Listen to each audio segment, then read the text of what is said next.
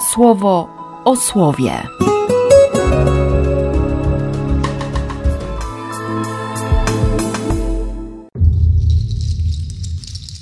16 lutego, wtorek.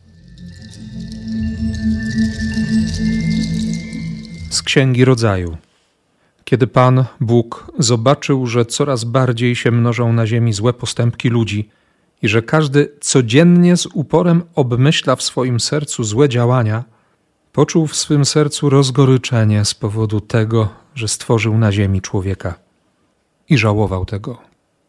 Rzekł zatem Bóg: Spłuczę z powierzchni ziemi człowieka, którego stworzyłem.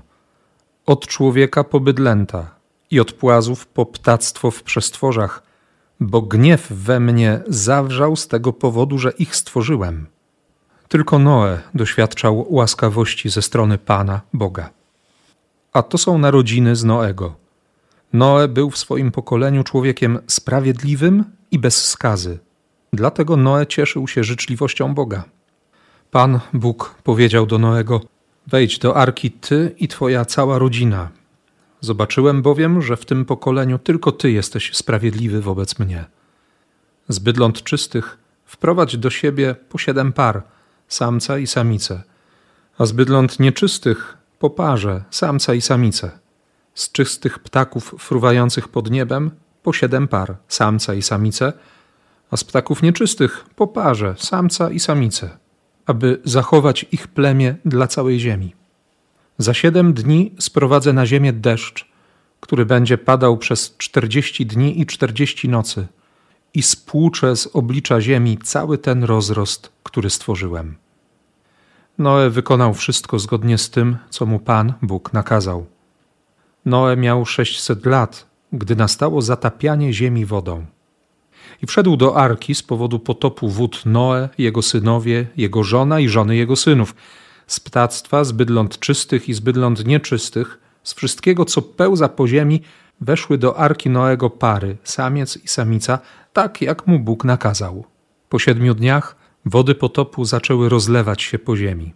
W sześćsetnym roku życia Noego, drugiego miesiąca, dwudziestego siódmego dnia miesiąca, wszystkie źródła bezdennych głębin wytrysnęły – tego właśnie dnia i otwarły się wszystkie śluzy na firmamencie nieba i spływała ulewa na ziemię przez czterdzieści dni i czterdzieści nocy.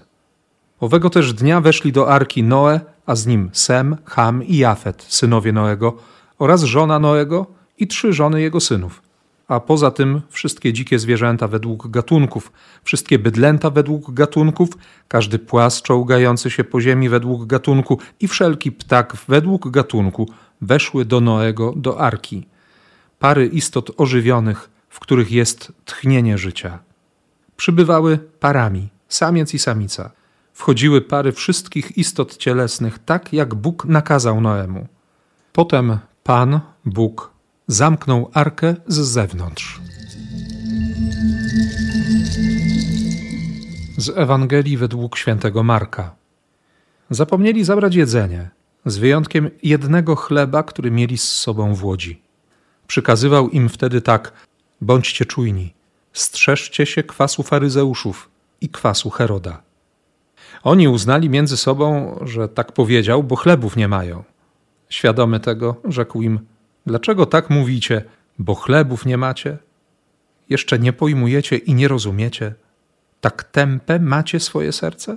Choć oczy macie, nie widzicie i choć uszy macie, nie słyszycie? Czy pamiętacie, ile pełnych koszy z kawałkami zebraliście, kiedy pięć chlebów połamałem dla pięciu tysięcy? Odpowiedzieli mu dwanaście. A kiedy siedem dla czterech tysięcy, ile pełnych dużych koszy z kawałkami zebraliście? Odpowiedzieli mu siedem.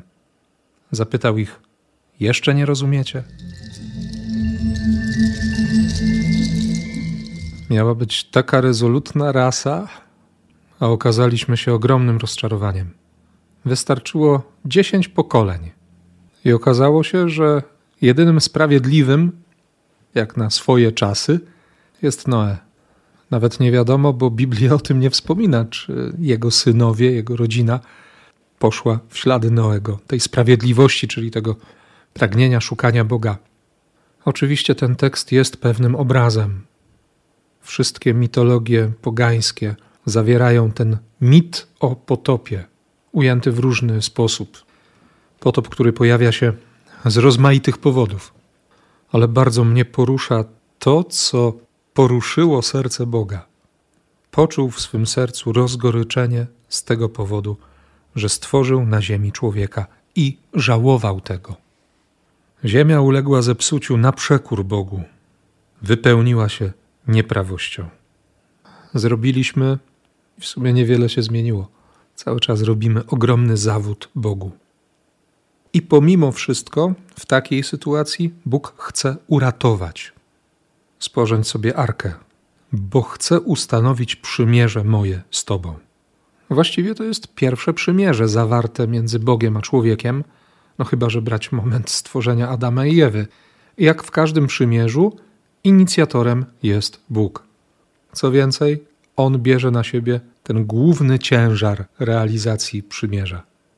Oczywiście najbardziej widać to w Jezusie Chrystusie, ale i tutaj, wbrew tym wszystkim niesprzyjającym okolicznościom, wbrew nieprawości, która zalewa świat, skażenie całej ziemi, Bóg mówi: Ja uratuję, ja uratuję. W sumie do tej pory jakoś nie zwracałem uwagi na ten szesnasty werset siódmego rozdziału Księgi Rodzaju że wszystkie stworzenia wchodziły parami do arki i potem sam Bóg zamknął arkę z zewnątrz. Wiele razy już przydarzyło mi się to, jestem tego pewien, że Bóg zamknął mnie w swoich dłoniach. Mnie się co prawda wydawało, że mi ograniczył przestrzeń życiową, że się nagle ciemno zrobiło, ale to naprawdę były momenty, w których Pan mnie ratował. A drugie skojarzenie zanim jeszcze pojawiła się Arka Przymierza, zanim Mojżesz kazał zbudować Arkę Przymierza, na rozkaz Pana Boga zresztą, to on sam był ukryty w tej skrzynce z papirusu. Nie zapomnę, kiedy ojciec Augustyn Pelanowski mówił o Mojżeszu i zachęcał do tego, żeby ukrywać się w Biblii, bo przecież papirus był wykorzystywany do tego, żeby, żeby na nim pisać, schować się we wnętrzu słowa. Mija ten czas potrzebny do zmiany, do całkowitej zmiany świata.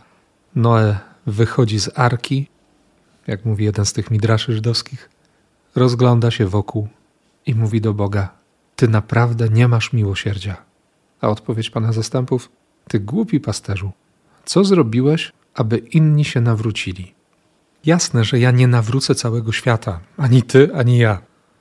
Natomiast dziś naprawdę ta liturgia, szczególnie to pierwsze czytanie, stawia mnie przed konkretnym pytaniem: czy ktoś patrząc na mnie może poznać Boga? Czy widzi we mnie oficjalnego przedstawiciela Królestwa Niebieskiego?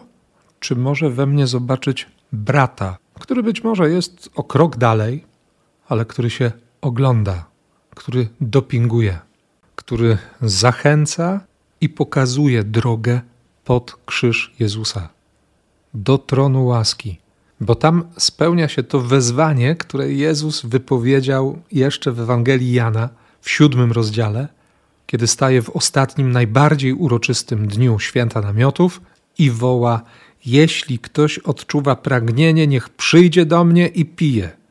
Jeśli ktoś we mnie uwierzy, rzeki wody żywej, jak pismo mówi, popłyną z jego wnętrza. Jan skomentuje: Powiedział to o duchu, którego mieli otrzymać ci, którzy w niego uwierzyli. A wtedy duch nie był jeszcze dany, gdyż Jezus nie dostąpił jeszcze chwały. Jeszcze nie było krzyża, tego ciężaru, który jest chwałą. Podejść pod krzyż Jezusa i zobaczyć, że z tego rozerwanego boku cały czas płynie strumień krwi i strumień wody. To jest potop życiodajny.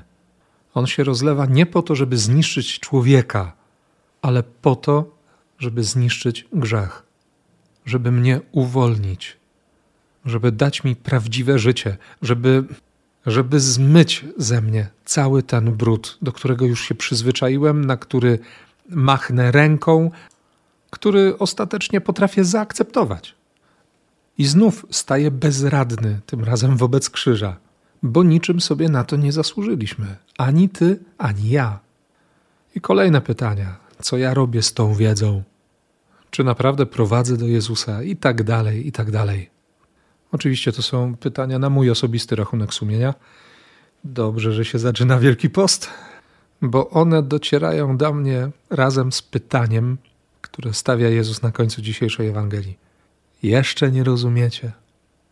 Bo z jednej strony mogę odetchnąć i pomyśleć sobie, oni, najbliżsi Jezusowi, też mieli z tym problem. Dopiero kolejne rozmnożenie chleba, skoro siedem chlebów wystarczyło na przynajmniej cztery tysiące ludzi, no to ten jeden chleb na trzynaście osób, no bez przesady. Ale nie tylko o ten chleb chodzi. Tu naprawdę chodzi o, o kwaśne środowisko, nie? o robienie kwasu. Podejrzliwość, nieufność, dopytywanie, domaganie się znaków. To wszystko w nich pracuje. Oni słyszą te rozmowy. Oni wiedzą o oskarżeniach. Oni zdają sobie sprawę z tego, że naprawdę idą po kruchym lodzie, że cały czas poruszają się na granicy. I wiem, że ja też wielu rzeczy nie rozumiem i rozumieć nie będę.